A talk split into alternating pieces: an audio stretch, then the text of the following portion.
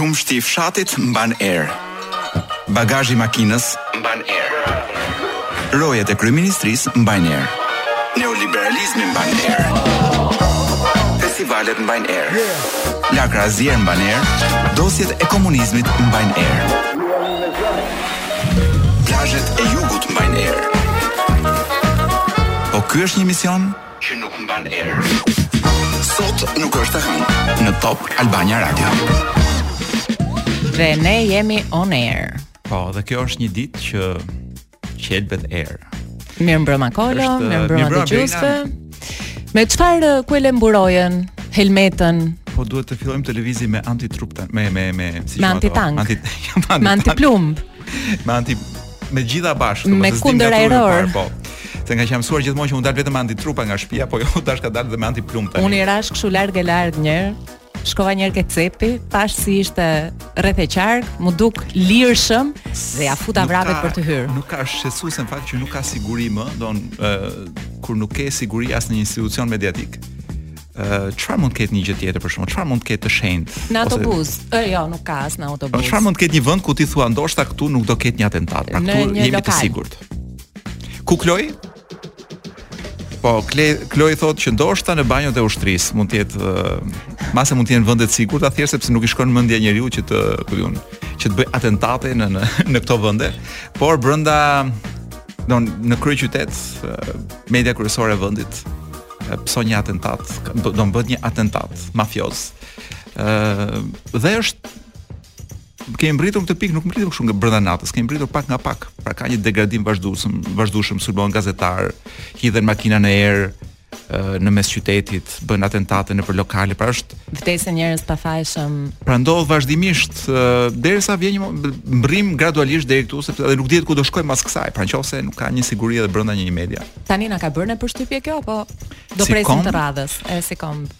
Unë mendoj që përshtyp nuk është nuk ka të bëjë shumë me, me përshtypjen e publikut, publiku unë besoj që është i tronditur, po mendoj ah. problemi është tek institucionet që duhet garantojnë po siguri. Unë un shoh shumë uh, postblloqe policie rrugës Kolo kur vij për këtu. Un shoh eh, postblloqe policie gjithmonë, edhe kur shkoj në plazh. Po ç'a bëjnë këta di gjë ti? Të ndalojnë dhe të bëjnë një kontroll dokumenteve dhe ti pyet pse më ke ndaluar dhe ai sa ashtu. Po jo, se ashtu eh, ashtu ma dha truri. Pra, policia gjithmonë është një është është shumë e dukshme uh -huh. në qytetet tona. Por është eh, në fakt e padukshme atëherë kur duhet. Por dhe unë nuk di një rast kur janë sulmuar gazetarë apo në këtë rast kjo është kjo është më rëndë sepse është sulmuar një media komplet, pra nuk mhm. është një gazetar i vetëm apo një program i vetëm apo një investigim i vetëm, por është sulmuar një media.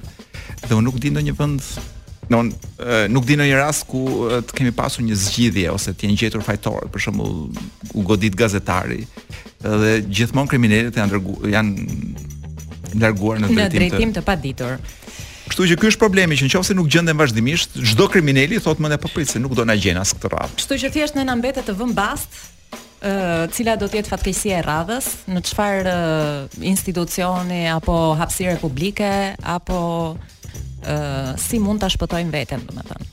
Se e di çfarë do thoja që nuk është më as për t'ikur natën, Se të zënë. Po pra, edhe natën. Ditën duhet të po ikësh. Po ndodhin. Se po ikë natën. Është një situatë dramatike Blerina, por nuk kam një zgjidhje për këtë gjë ndonjë zgjidhje sepse, sepse kjo për, po themi situata e sigurisë në një vend precipiton në mënyrë të vazhdueshme. Mm -hmm. Dhe unë mendoj që ka një ka një trysni shumë të madhe shoqëria dhe nuk ka valvula shpërthimi. Prandaj është shtuar kaq shumë krimi në pamundësi, pra nuk ka valvula të mirëfillta ku shoqëria të, pra nuk nuk ka as protesta të mirëfillta ku ku shoq, ku shoqëria të zbraz mllefin e vet. Prandaj kemi këtë tension shumë të lartë ekonomia është një gjë e tillë domethënë që krijon gjithashtu tensione në vete.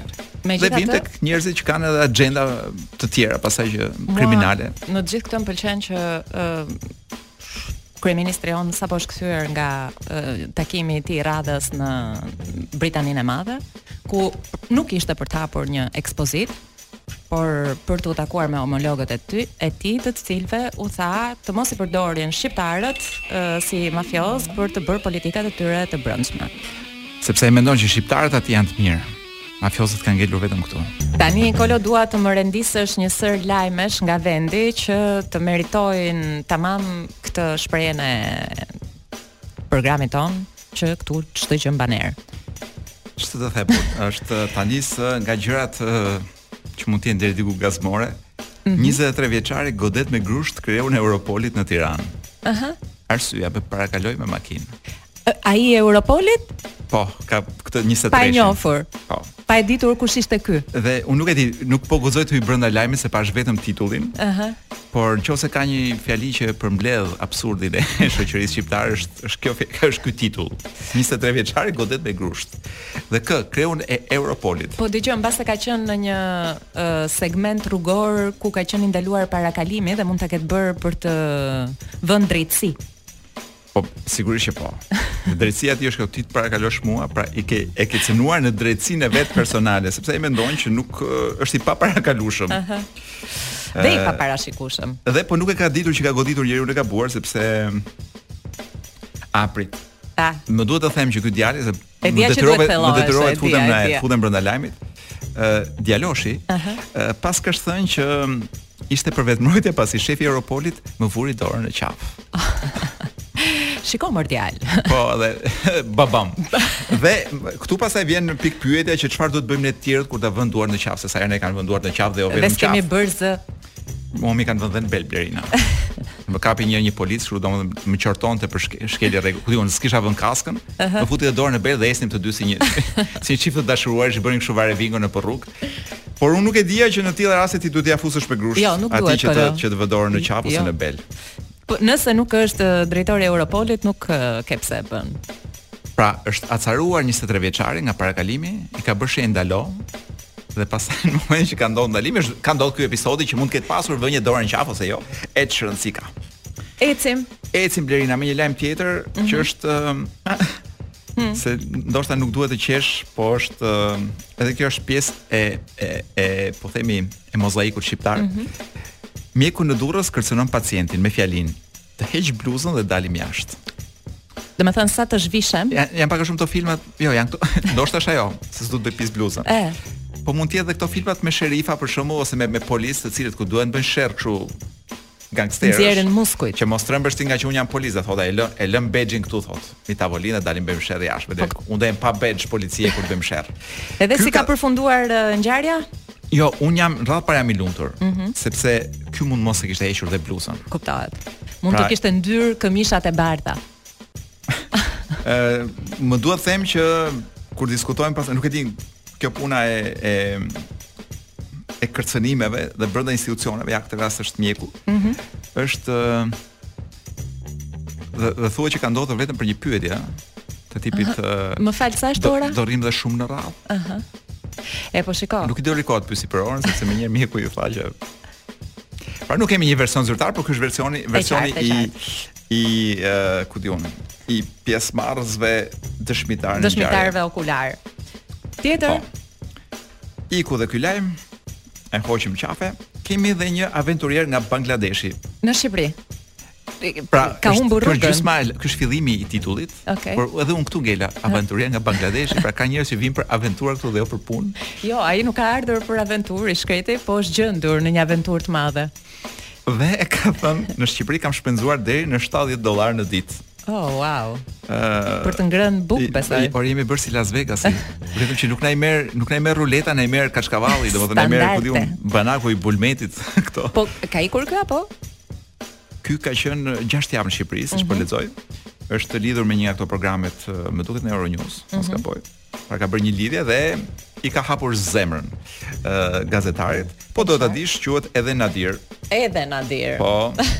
Tani më nuk është më në Shqipëri, po do ta dish ku është, se mase Po, dhe dua të di sa lek harxhon në ditë. Ë, uh, është në Filipine. Harxhon shumë shumë pak. Aty... Aq pak harxhon sa që nuk e vlen as ta përmendin. Pra nuk e ka përmendur fare në në Pra për një muaj ky ka harxhuar në Shqipëri 1500 dollar ku kishte ardhur për pushime të lira. E qartë. Kështu i kishin thënë shko në atë vend se lirë, lirë, lirë. Pra. Ke ke më lajme apo të të jap un një lajm që Duhet të jetë në fakt në përmbledhje të gjithë atyre që the ti sepse do të të lexoj në cilin vend listohet Shqipëria mes vendeve më të lumtura të botës ose më pak të lumtura, se varet nga e fillon numrimin. Edhe ne nuk kemi. Kam një lajm tjetër, po mendoj që mas mas pra pasi të shqetësohemi për lumturinë tonë, shqetësohemi pse kuajt nuk i duan shqiptarët. Nuk na duan kuajt? Jo. Pse? Një kal në fakt, nuk i do shqiptarët. Po unë mendoj që ky kali përfaqëson gjithë rracën e vet. Është sepse është bërë një garë me kuaj në Korçë, Drina. Aha. Ti e di që Korça është po themi Paris i vogël. Paris i vogël është nuk është më Shqipëri, Aha. ka kohë domethënë. Kan kohë për anglezizma të tilla si gara me kuaj. Po. Ë pra gara gara hipizmi. Po ti prit të bëhet ajo pista e Formula 1-shit në Elbasan se Do ta shofi primatin. Korça. Unë mendoj që Korça, domethënë se shiko Elbasani ka këtë gjënë që ti po nqoftëse një makinë larg qoftë, pëson aksident dhe fluturon në ajër, përfundon në Korçë, domethënë se ngjitur janë.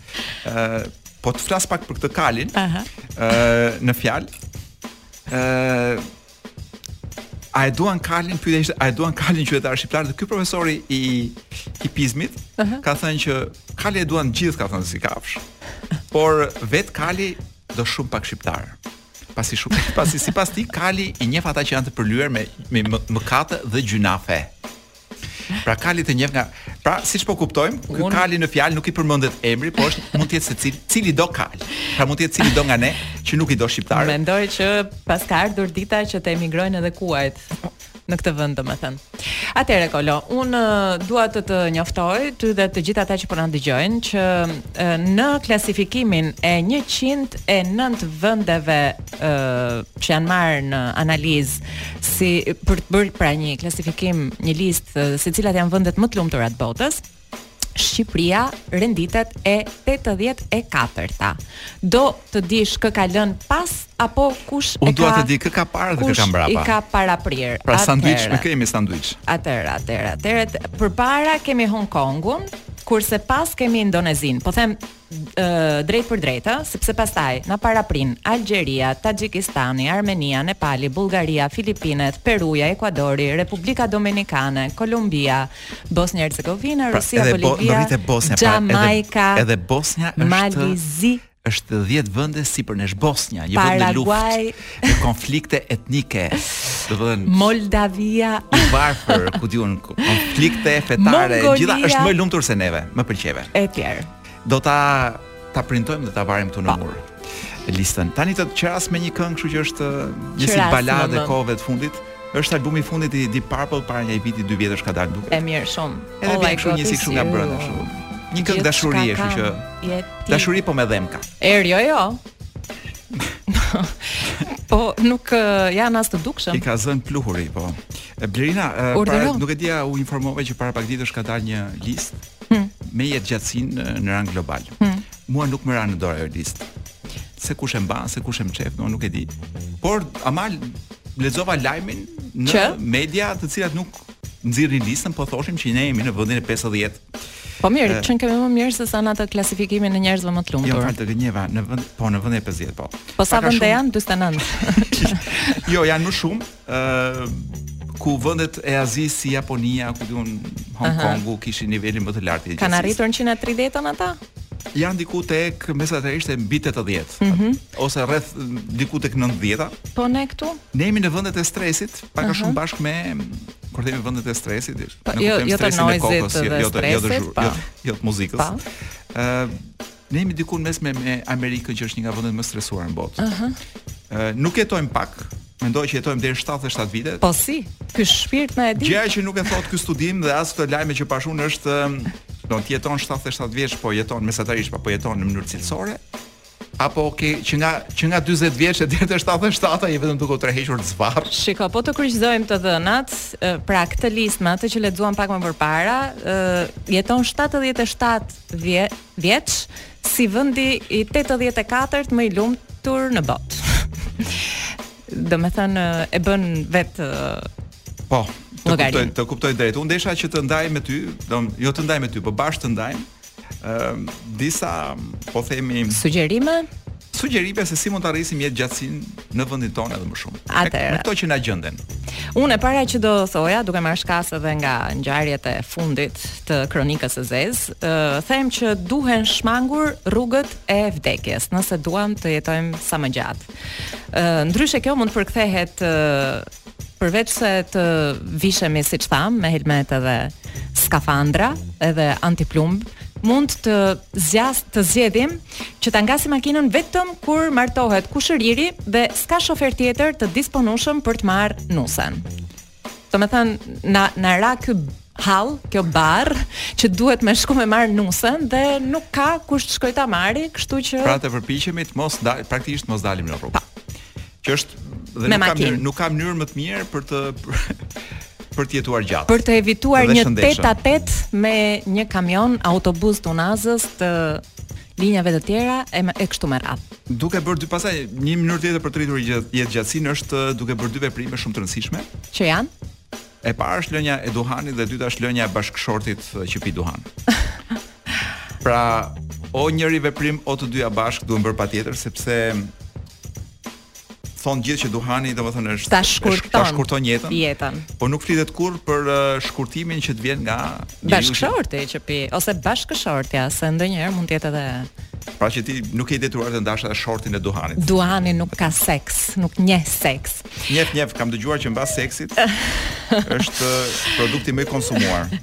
Ë, atëherë, një tjetër problematikë që na lidh me jetën jo dhe aq të gjatë ose jo dhe aq cilësore është konsumimi i ushqimeve me uh, OMG, siç i thonë, organizma modi, uh, gjenetikisht të modifikuara, edhe meqenëse është kaq e vështirë që t'i shmangësh, na takon që të shkojmë secili të uh, Presim një copë tokë aty në Lushnje, edhe të punojë secili tokën e vet, edhe të mbjelli ç't'i dojë e bardha zemër. Unë do kisha sugjeruar edhe një mjet tjetër për të rritur jetëgjatësinë që është adoptimi i kafshëve shtëpiake. Unë vetë jam prej kohësh në kërkim të adoptimit të një qeni, po unë unë kam fiksim të adoptoj një nga këto qentë e policisë. Pse? Nga këta që nuhasin kokainën. Më duken po që jetë më të Si me se do të ushqesh? Po unë thashë që dua t'i shpëtoj, jo ti. A t'i shpëtosh nga kokaina? Po pra po, dhe nga policët. Po, dhe qeni pasaj do të shpëtojë mua nga vdekja para kohës. Keqbërësit. unë mendoj që janë qentë më të mirë, domethënë qentë më të vuajtur në Shqipëri. Aha. Pra qentë që përdoren për të nuhatur kokainën. Ata të hashashit? Nuk e di që kemi qen hash, unë kisha idenë që hashashin e gjuajnë me me fajkonj këta. Ata të policisë shtetit. Ata të jo tërmetit. E di, besoj. Ëh, që ka dhe një legjendë që kemi qen të trajnuar për rastet e tërmetit. Që investohet, më thënë. Sigurisht, është një legjendë urbane që kur ra tërmeti doli, si më thënë, zbuluar. Një tjetër mënyrë për të rritur jetëgjatësinë është Të rrisim cilësinë e gjumit. Pra, i duhet thënë jo kafes pas orës 2 të drekës, jo ushqimit pas orës 8 të mbrëmjes, por mbi të gjitha mos e shih çmimin e naftës 2 orë përpara gjumit. Që është në fakt 1 te 10 dhe nëntë. Është nga ato gjërat që të të merr frymën. Mekesh. Po është nga këto lajtmotive që të rrin në kokë, domethënë ai edhe të, të vjen vërdall kështu si si mizë brenda kokës si kur je në gjumë. Sugjerohet që jetëgjatësia rritet duke pirë ujë rregullisht. Mm -hmm. Mendohet që është një shifër që është uh, diku te, jo një shifër, por është një sasi prej 1.5 litrash në ditë. Mm -hmm. uh, problemi është i njerëzve që harrojnë të pinë ujë. Dhe këshilla praktike mund të jetë që të pish ujë sa herë dëgjon fjalën ku di unë klasa politike në televizion. Një tjetër mundësi është për të rritur jetëgjatësinë dhe cilësinë e jetës është duke bërë ushtrime fizike çdo ditë. Një metodë e mirë është të bësh 5 kilometra vrap sa herë që në lagje mbin një vinç i një pallati të ri. E qeshura është një, po themi një mënyrë shumë shumë e mirë për zgjatur po. jetën. Ë uh, se si mund të qeshë një njeri në Shqipëri nuk e di, unë do kisha sugjeruar që mjafton të mbani ë uh, po themi në screen saver në, në celular një foto të Niko Peleshit me çizme me shiu dhe unë mendoj që sa herë që ta shihni do ju Edhe parlamenti të enjteve nuk është ditë e keqe, spektakël i keq. Do një foto sa për të ngacmuar buzëqeshjen, okay. pastaj po duash të gajasesh me të madhe, Kthehu te kanali i parlamentit. E dashur Berlina. Berlina. Se më shkoka në Berlin më oh, duket. Oh yeah. Është kjo është një këngë klasike e rockut, biles rockut të rëndë do thoja unë. Po që Sade e ka marrë dhe i ka dhënë kështu një shpirt tjetër, thash, pse mos e. Shumë e mirë që. Ndajmë këtu në radio. Sade me Still in Love with You. Për pak mendova që të kishte humbur libri, edhe mendova gjithashtu që ia mbërritëm kësaj dite. Por jo. Ka qenë një libër i trashë, dhe pata idenë gjeniale që mos e mbaja në çantë, pasi fëmijët e vegjël që do të nuk e di pse i ngarkojnë me libra, thash pse të mbaj në kurriz një peshë që është gati 1 kg e ca. Dhe e lashë në radio ku ti e di që librat këtu nuk i lë njeri të bien në tokë. Pra bërë këte njerëzit lexojnë në gjitha cepat e mundshëm të radios edhe Po për fat mirë libri u gjend. Aha. Dhe nuk është një libër i zakonshëm Blerina, është një libër i shkruar nga një gjerman në vitet në fund të viteve 1800 Aha. për Shqipërinë, udhtim në troje shqiptare. Ky ka qenë një shkrimtar Karl Karl May ka qenë një shkrimtar gjerman kështu fiction, mm -hmm. por shumë i famshëm. Mm -hmm. Dhe jo vetëm shumë i famshëm, po thonë që edhe Hitleri E kishte frikë. Jo, e kishte qef. Nuk besoj se Hitleri kishte frikë njeri. Pra kur ishte i ri Hitleri shkonte dhe dëgjonte leksionet e këtij apo leximet e librave të tij dhe ishte shumë i entuziasmuar, sepse në atë kohë s'kishte nuk kishte iPhone-ra gjëra, Instagram-ra për të zbuluar botën, ama sh vinte ky dhe shkruante për Shqipërinë. Besoj që ai Kali do vdiste. Më duhet të them që ky Kali do vdiste për Karlin. Pavarësisht se ngjarja zhvillohet është udhëtim nëpër Shqipëri, por Me kart. Jo. Jo, është lart e poshtë, okay. se mos këtej nga veriu, po më duhet të them që nuk mban shumë era Shqipëri. Po. E ç'rëndësi ka. Hajde, por është shumë i famshëm dhe është nga ky zotëria bërë shumë libra. Tani do më rikujtosh diçka se nuk e mbaj mend, ka qenë ky vetë në Shqipëri apo e ka jo, trilluar të gjithë? Po, ah, në fakt kush do të thotë vjen Shqipëri nga nga Prusia në atë kohë do të merrje rrugën me me, me kuaj, me karroca, me gjëra, të shkonte 3 vjet rruga. Karl May Udhëtim në troje shqiptare është përkthyer nga Ingrid Schatz, gjykoj që është përkthyer mirë, është një botim nga Toena i hershëm i një i 2009-s. Por e keni akoma në qarkullim sepse s'e ka blerë njeri. Kështu pra, po të doni ju them dhe një informacion më shumë nga ç'duhet. E hapa fare rastësisht. Hajde. Kapitulli 7. Doktori Guri i Torturës. Më në fund doktori erdhi. Më shumë ngjante me një postier kinez se sa me një mjek evropian. Kishte trup të vogël dhe të trashë ndërsa faqet i ndrisnin si mollë. Nga forma e syve, dukej sikur kishte prejardhje nga mongolët. Mbi tullën e rruar, kish vënë një feste të vjetruar. Kaftani i shkurtër, i cili kishte vetëm një xhep të madh, mezi i arrinte tek gjunjët. Ai ishte i fryrë nga gjitha anët, lart e poshtë, para mbrapa, majtas djathtas. Aty e kish futur gjithë barërat. Këtij mjeshtri shërues i varej mbi shpatull një shportë katërkëndëshe ku me siguri ndodheshin veglat e tij me vlerë. Mm. Pati mbathur, çorape të trasha prej leshi me taban të dyfishtë shajaku dhe një palë nallxha që janë ca këpucë të rënda për po lexoj këtu shpjegimin. Uh -huh. Dhe një palë nallxha që ishin mbërthyer me tokëza të mëdha. Mjeku hoqi këpucët te pragu dhe erdhi këmbëzbathur drejt meje. Iu përgjigja përshëndetjes së tij sipas zakonit të vendit. A je i muhabetit? Më pyeti duke ulur shportën në tokë. Jo, iu përgjigja shkurt. Edhe unë s'para kam qef të flas shumë. Pra le t'i biem shkurt. Mm. Nuk ma mori mendja që trashaluqi të ishte kaq i prerë. U ul këmbë këmbë kryq para meje dhe më pyeti duke më vështruar nga koka deri në këmbë. Ti je ai me këmbën? Jo, ama me dy këmbë, iu përgjigja. Çfarë, i ke thyer të dyja? Nuk e kishte kuptuar shakanë time. Vetëm njërën, atë të majtën, thashë. Thyerje dyfishe? Vetëm një ndrydhje, iu përgjigja. Nxirre gjuhën, urdhëroi doktori. Kjo më habiti dhe më bëri të qesh. Megjithatë ia bëra qejfin doktorit dhe ia tregova. Ai e vëzhgoi me vëmendje, e preku me dorë, lëvizi majën e gjuhës dhe pastaj tha: Një ndrydhje shumë e rrezikshme. Jo edhe aq, thashë. Qetësi, e dalloj te gjuha. Kur e ke përdredhur këmbën? Para 3 orësh e shumta katër. Gati sa nuk ia plasa gazit, por e përmbajta veten. A ke dhimbje, deshi të dinte ai. Durohen, thashë. A ke uri? Po, madje shumë. Shumë mirë. Mos u shqetëso se do t'ia dalim mbanë. Ma trego këmbën. Doktori u ul në bisht, por ngaqë nuk e ndjeu veten mirë, u ul afër enës me ujë dhe e mori këmbën e lagur mbi prehër. Me mjeshtri shërues e preku me majë të gishtave në fillim lehtë dhe pastaj pak më fort. Tundi kryet paksa i menduar dhe pyeti: "A je njeri qaraman?" Jo, iu përgjigja. Atëherë shumë mirë. Një kapje e shpejtë, një lëvizje e fortë. Një kërcitje e kockave. Pas këtij veprimi, më vështroi me sytë që i picërroheshin. A ndjeve gjë? Pyeti trashaluqi me zë të përzemërt. Çdo gjë në rregull, i thashë. Tani tha vetëm duhet lidhur.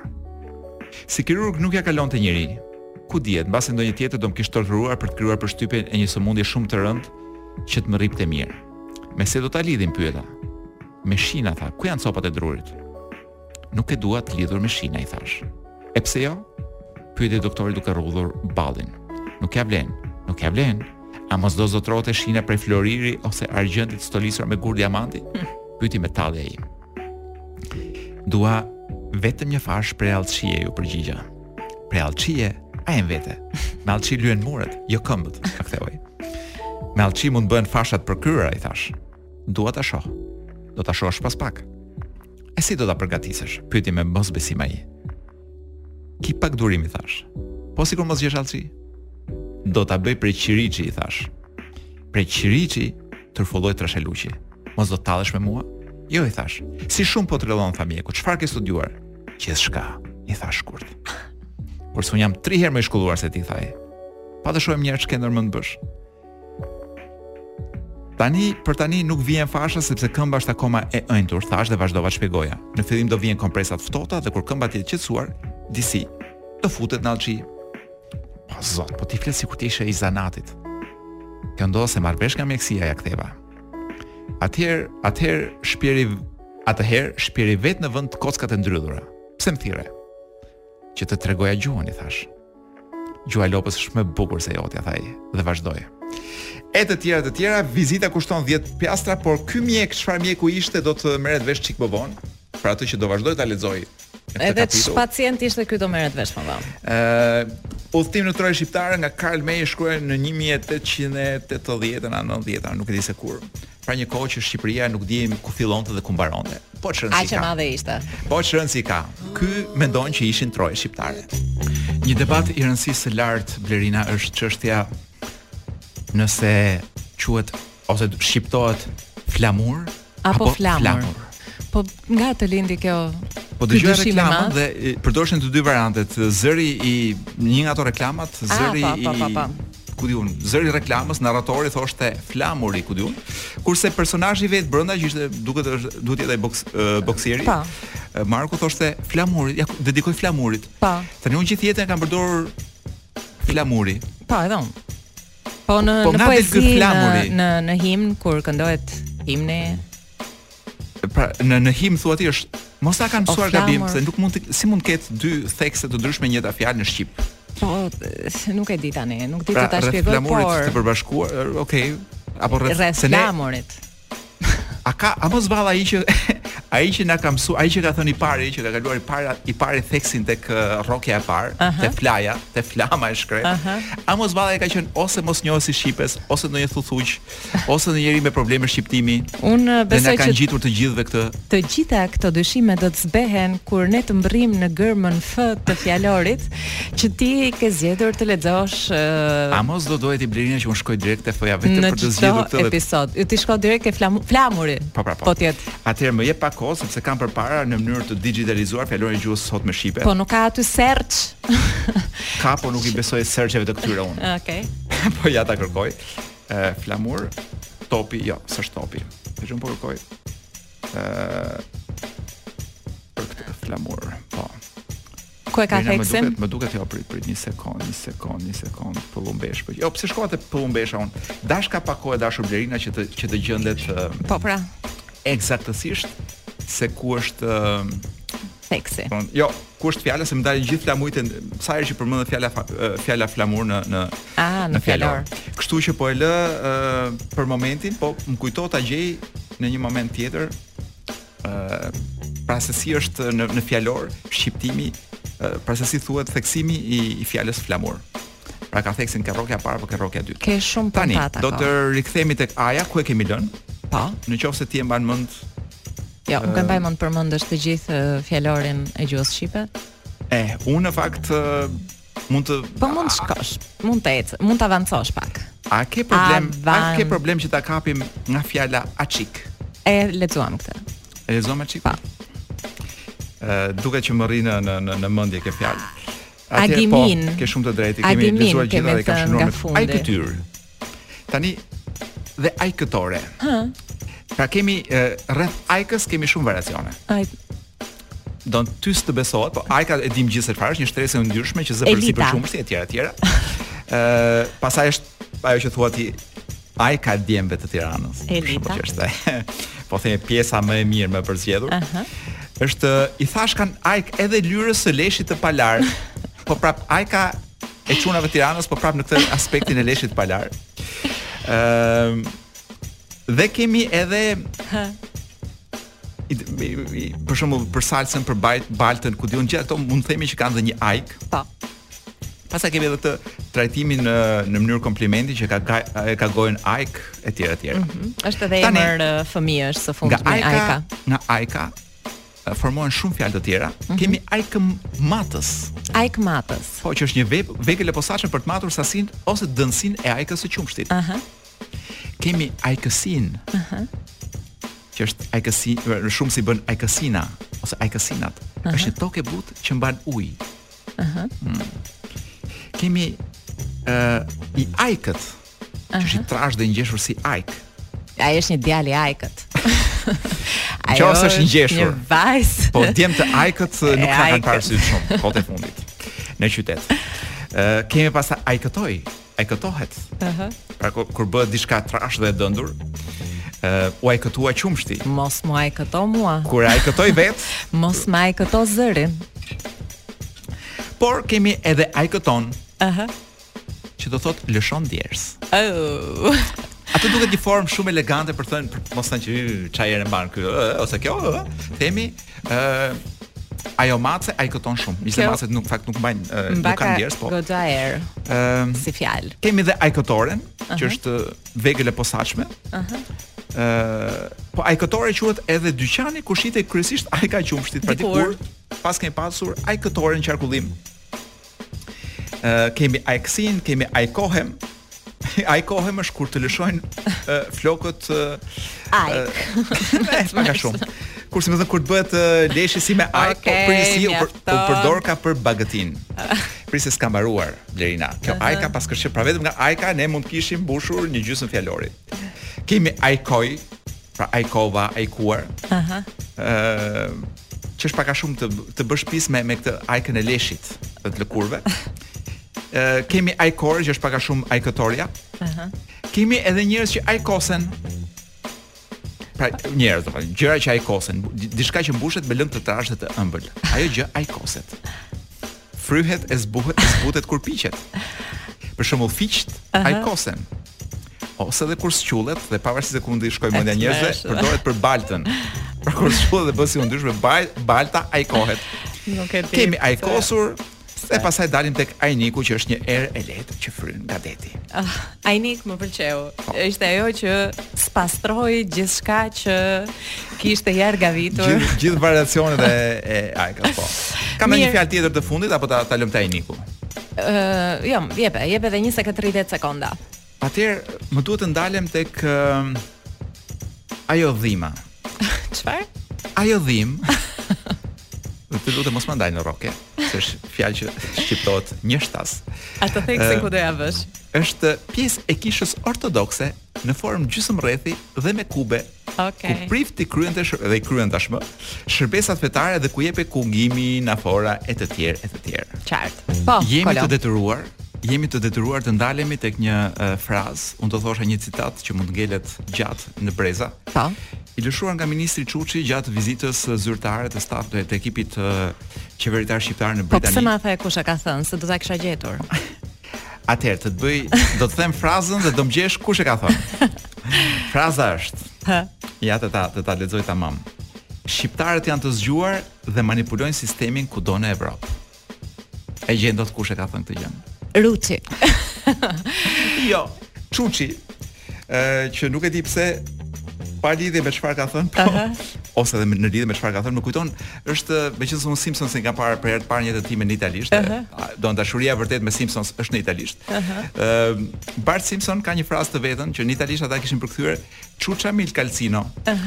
Dhe sa e dëgjoj Çuçin, më vjen kjo Ciucciami il calzino që është një formë domethënë për t'i për t'i thënë botës ë skenë çam bëni do po. Dëgjoj, po ti e di që uh, ministri është i famshëm për uh, për, përpilimin, po, dhe për formulimin e citateve. Po i merr drejt Pastaj, nga Osho, domethënë ai ndriçohet nga Buda dhe i vin. Po. Thjesht ja marrin, ja vjedhin. Pra ky ka të drejtën e autorit. Ky ka trajtuar shqiptarët, uh -huh. kur thonë shqiptarët janë të zgjuar dhe manipulojnë sistemin kudo në Evropë. Thua ti po flet, ky po flet për Illuminatin. Po më mirë ka thënë, pse? Në fakt, në fakt ne e kemi parë dhe kemi dhe janë njerëz si gjithë ne. Ë shqiptar. Dhe jo gjithmonë shumë të shkolluar. Por nuk e di pse për ministrin dhe këtë gjë ka thënë E, këtë desha të di në ç'kontekst. Atë frazën ja ka thënë ta them unë. Frazën ja ka thënë në një takim ministres ë uh, Suela Braverman, pra sekretares së së brendshme. Mos është shqiptare kjo nga emri? nga mbiemri Braverman apo nga nga emri Suela. Po si, shiko, çdo emër nga shqipja vjen, po t'i hysh thellë, domethënë ne mund ta nxjerrim që është nga shqipja. Dhe kjo ka thënë për mediat, pra, gjithë informacioni na vjen nga Daily Mail. Aha. Uh -huh. Dhe thotë që ministri shqiptar paskësh thënë që shqiptarët janë shumë të zgjuar dhe gjejnë mënyra për të kapërcyer sistemin e vendeve dhe këtë kishin bërë në gjithë Europën, Francë, në Europë e tjera.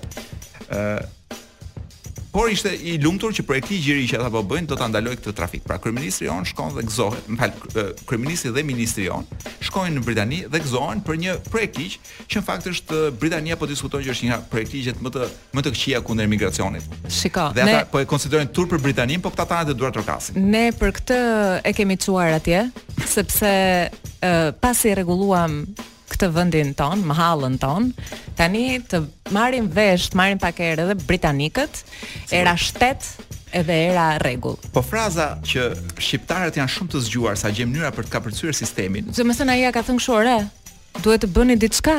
Jo, unë mendoj që ja ka thënë kundër që s'kemi çfarë bëjnë.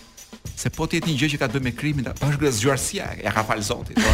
Si mund të luftohet zgjuarsia? Ja, na shi ne në Shqipëri. Pra Pse s'bëjmë dot gjë? Po i bëjnë gjithë krimet i bëjnë nga zgjuarsia, pra kalimi ilegal të sistemit, abuzimi në sistemet. Tani se ka shqiptarë në Britani që janë me Edhe punojnë të shkretët jo, punë të ndershme? Që jo, që ka shqiptarë që jo vetëm punojnë punë të ndershme, por ka edhe nga ata me PhD-ra, me doktoratura, me ku di unë me emër në në në Budallenj, budallenj. Po pra, po nuk janë këta të zgjuar. Të zgjuar jo. janë këta të gomoneve për këtë.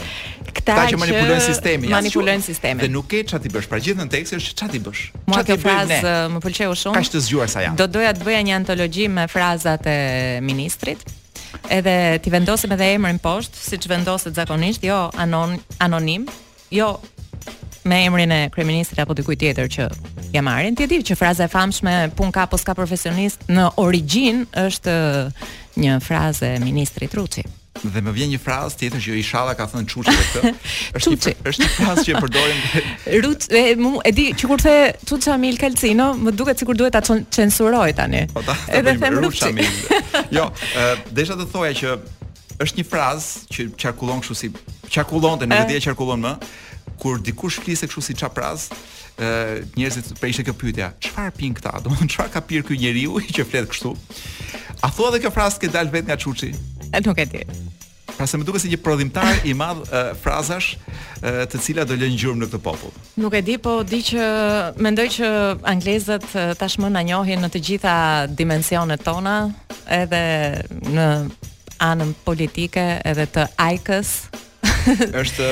së politikës. Paska cituar më tej Daily Mail dhe thotë po. që komentet e ministrit shqiptar, mm -hmm. pra Çuçi Amilkalcino, vijnë mbasi ambasadori jonë në Britani ka pranuar publikisht se emigrantët shqiptarë atje po shtiren si viktima të skllavërisë moderne. Pra se për kë punojnë këta njerëz unë nuk e di. Domethënë ministri, ambasadori se për kë punojnë, që ne e kuptojmë që shqiptarët që shkojnë atje domethënë okay, ka një problem me këtë kriminalitetin. Por uh, unë nuk kam dëgjuar njeri që të dali dhe të mbajë flamurin e Inteligjencës. Kundër. jo, jo e kisha për atë për për ambasadorin i cili paska thënë publikisht që shqiptarët shfrytëzojnë sistemin. Prandaj tha ai që mos i përdorni shqiptarët për të bërë politikat tuaja të brendshme. Dhe mirë ia paska thënë. Kush nga këta tha se s'ka marrë. Ai i gjati më i gjati i mbledhjes. Më i gjati i mbledhjes. Po. Unë po flas për këtë të mesmin. Dhe për të shkurtrin fare që.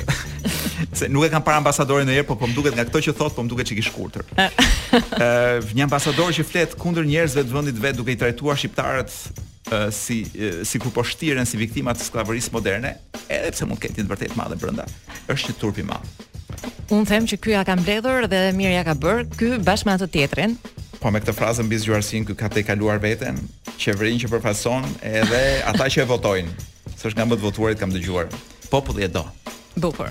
Këta tanët nuk mbajnë erë, më vjen gjithmonë t'i përsëris këto frazat se më pëlqejnë shumë kolo, po ne tani do shkojmë të marrim pak era dynja. Edhe kur them kështu do të thotë që do të shkojmë në vendet më të largëta të botës, larg Shqipërisë, aty ku histori të ngjashme me tonat ndodhin, bëhen edhe filma. Ë uh, në Kala të Dodës. Do të të surprizoj në Florida apo Florida. Oh. Se varet është si puna flamurit kjo. Ë uh, ka qenë një lajm në fakt që ka bër goxha xhiro në nëpër botë, sepse e ke parasysh statujën e famshme të Davidit të Michelangelo. Edhe po të mos dua un, jam i detyruar ta kem parasysh se na kanë vënë poster të madh këtu në hyrje të radios. Tani po të kishim qenë ne për shembull në një shkollë publike në Shtetet e Bashkuara të Amerikës. Do na kishin vënë prangat. Do na kishim vënë prangat. Siç ka, siç ka qenë jo, fati. Jo ne, drejtorit të radios, po. Po. ka qenë ky fati në fakt i një mësueseje të kësaj shkolle në Florida, Florida, e cila në lëndën e artit u ka treguar nxënësve të saj statujën e Davidit të Michelangelos. Me sa duket, janë shprehur të indinjuar jo një, jo dy, por tre familje prindrish të nxënësve, të cilët e kanë quajtur të tepruar dhe kanë kërkuar nga drejtori i shkollës që mësuesja të përjashtohet. Dhe kështu në fakt ka ndodhur.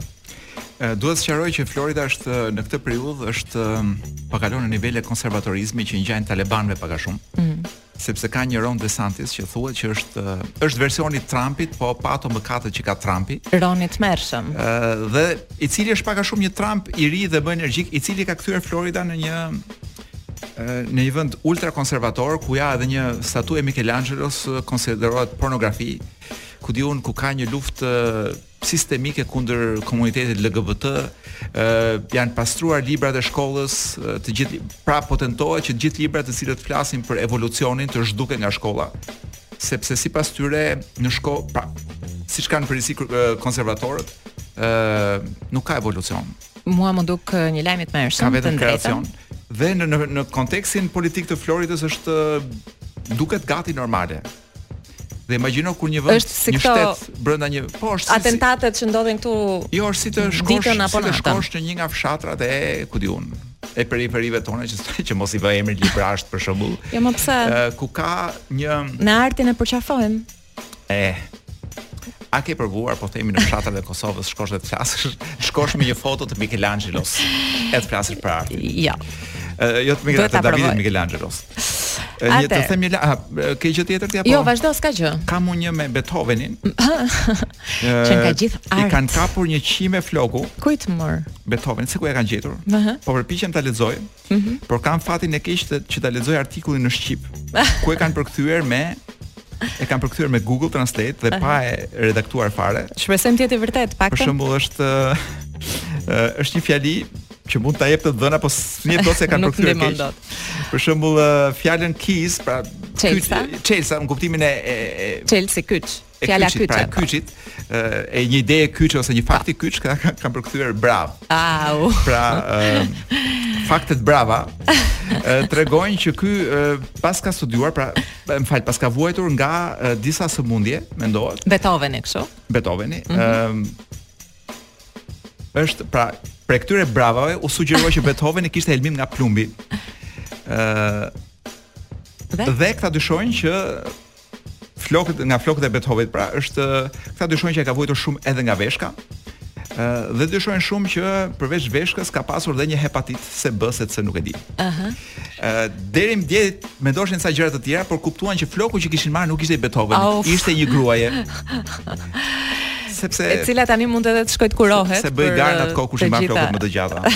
Ah, i një gruaje të epokës së Beethovenit. Po, e nuk e ndihmoj. Ai ka kapur flokun e gabuar. Nuk e ndihmojmë dot. Ë, uh, ky lajmi që do të them tani më pëlqeu shumë, megjithse është politikisht jo korrekt. Ë, uh, një grua në Itali, në veri të Italisë, mbasi kërkoi parkim për shumë gjatë, vendosi që ta lërë makinën në një vend aspak të përshtatshëm për të parkuar, por vendosi gjithashtu të lërë një biletë të shkruar ku thoshte: "Ju lutem, mos më qortoni, jam një nënë e dëshpëruar në ditën time të tretë të punës."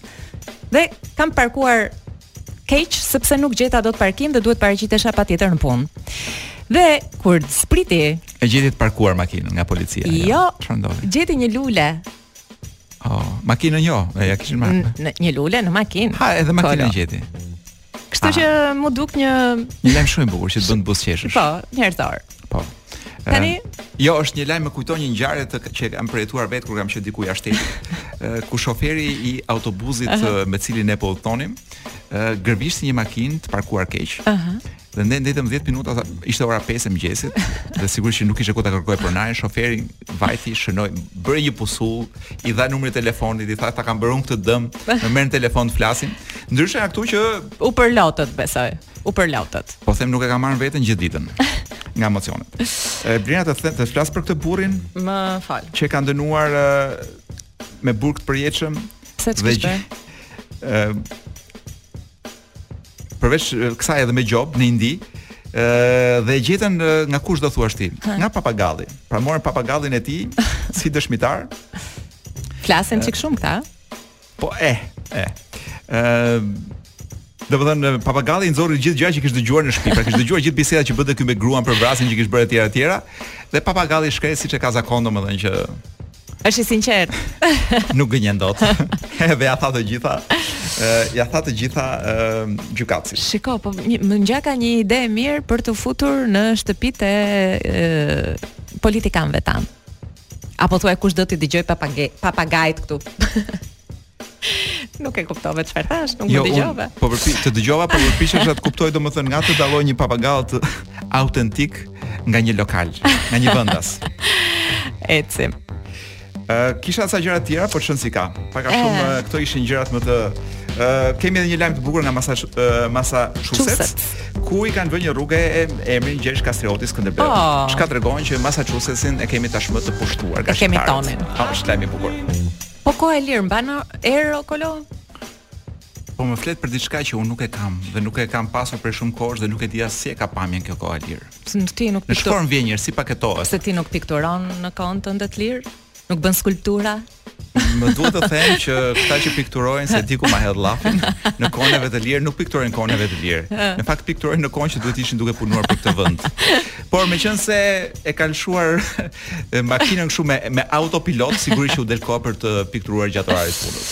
Dëgjo tani, Ka njerëz që shqetësohen se sa kohë të lirë duhet të kemi ne në jetët tona për të qenë njerëz të lumtur. Pra, përtej atyre detyrimeve që kemi, edhe vrapet që duhet të bëjmë çdo ditë për të nxjerrë bukën e gojës, qenkërkëshkësh e nevojshme që ne të pushojmë dhe të kemi kohë të lirë për të zhvilluar pasionet dhe hobet tona, të paktën 2 orë në ditë.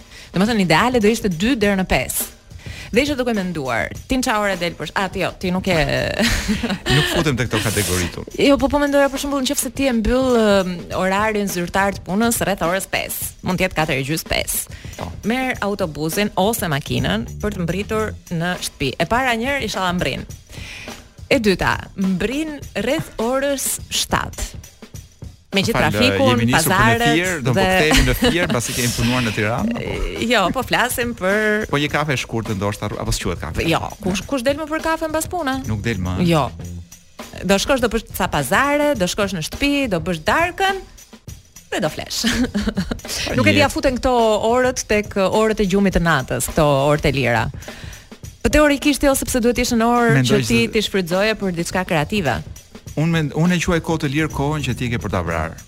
Pra asgjë që është produktive. Amerikanët e vrasin kohën. Pra kohë e lirë është kohë që ti e ke për ta vrarë me diçka që nuk ka asnjë lloj produkti. Për shembull të mbledhësh guaska të cilat nuk do i duhen askujt dhe nuk nuk do kenë asnjë lloj efekti as në jetën tënde, as mund të kthehen në një produkt të shitur. Ë ose pra gjëra të cilat nuk të sjellin asnjë lek. Ora të kërcesh nëpër shtëpi për shembull. nga halli apo nga qefi, se ka shumë rëndësi. Qoftë se është nga halli, nuk është nuk është kohë e lirë, do thoja unë. Blerina po shoh për një trend të ri që ndodh në në botë. Mm -hmm. Kemi një herë, më duhet të sqaroj që po ndodh diçka trans, një transformim shumë i madh global për cilin pak flitet. Ëh. Uh -huh. Edhe për cilin unë kam shumë merak sepse është Sigurisht që është një ke parasysh ë po surfistët. Jo, surfistët kanë një valë, për shembull, kalojnë po. është kjo është vala ime që ta ka. Po. Kjo është një valë që mua ndoshta edhe ty ndoshta shumë të tjerë i ka ikur, nuk e ka fituar. Po është poliamoroziteti. Ah, po, po. Që është po, një po. sepse bota ka pasur marrëdhënie monogame. Jo. Poligame. Ka pasur shumë lloj marrëdhëniesh. Pra ka pasur marrëdhënie të formave të ndryshme. Ëh uh -huh. ka pasur periudha ku bota nuk ka qenë ka qenë poligame. Ëh uh -huh. ka pasur uh, periudha ku kishte po themi ë uh, favorizoshin martesat e një burri me me shumë gra. Ëh. Uh -huh. uh, poligjinoret, uh, ndërkohë që kishte ka pasur dhe periudha të historisë së njerëzimit dhe vende ku një grua mund merrte disa burra. Pra, të pra, gjitha pra, kanë qenë varësi të zhvillimit. Dhe poli, po. E të gjitha kanë qenë në në në kuadër të zhvillimit kryesisht ekonomik të një vendi. Pra, uh -huh. çfarë të detyronte ekonomia që të bëje? Tani ç'na detyron? Kjo periudha e industrializimit e tjera tjera, që është periudha e prindërve tanë dhe deri diku dhe jona, uh -huh. ishte periudha ku njeriu ai ishte detyruar të kishte një familje të punonin të dy për të krijuar familje, për të rritur fëmijët, pra ishte e nevojshme që të kishte stabilitet kjo bërthama. Bërthama. Sot ka kemi lëvizur pak pak a shumë nga ajo uh -huh. dhe bota që po vjen me sa kuptoj do të jetë poliamoroze. Që do të thotë? Ë njerëzit nuk do kenë më nuk do jenë më monogam. Pra e para njerëz do martohen. Jo, këtë nuk e di sepse ti mund të martohesh edhe në grup. Unë kam respekt shumë të madh për martesat mbi tre veta. Aha. Sepse kur shoh sa pun ka një shtëpi për të mbajtur, domethënë do të ishin vërtet një pesë veta në këtë shtëpi, domethënë realisht. Mendova se e sheh si dashuri të shumëfishuar. Po sigurisht Blerina. Mm. Domethënë nuk do thosh, nuk e di nëse është shumëfishuar apo jo, se nuk i vëm dot metrin. Aha. Por më duhet të them që është një dashuri që nuk mungon kurrë. Se vërtet mungon njëra nga gratë ose njëri nga burrat. Por ama. Por është gjithmonë dikush tjetër për dhuruar dashurinë te ajo shtëpi. Kjo ku po përhapet kjo smundja? Është kjo kjo ka filluar kryesisht në perëndim. Ëh. Ëh dhe brenda kësaj fryme të re, që është një frymë që po eksperimentohet. Uh -huh. Pra ka çifte që tentojnë ta ta bëjnë këtë gjë. Pra të jenë çift bashkë, po janë çifte edhe me të tjerë. Eh, herë mas here ai më i lodhur që nuk nuk çiftohet dot se nuk ja var njeri domethënë është më i frustruar i vuan dikush që është më i suksesshëm e përjeton më mirë dikush është single dhe nuk ja di, pra nuk futesh dot te loja kështu pa qenë në çift etj etj. Po një nga fenomenet dhe një trend i ri është kryesisht që ka kapur këtë botën e, e këtyre takimeve on, dating online, uh -huh. pra takimeve online, është uh, ja ta mbyllim? Ua, sa do flisja për jastiqet. është jastëkllëku, që është uh, mënyra se si ti duhet të xhonglosh uh -huh. njëkohësisht disa njerëz bashkë. Okej. Okay. Po do të ta thelloj me qenë se kjo Kloj na futi fare. Nga, nga më kujto ta thelloj. Përfundimi. Ja të kujtoj. Në kokat tuaja. Në e arsh. Ju urojmë një natë të qetë dhe pa dhimbje nga një nga grupet e mia të preferuara britanike. Çuça Mil Calcino One Second nga Paradise Lost.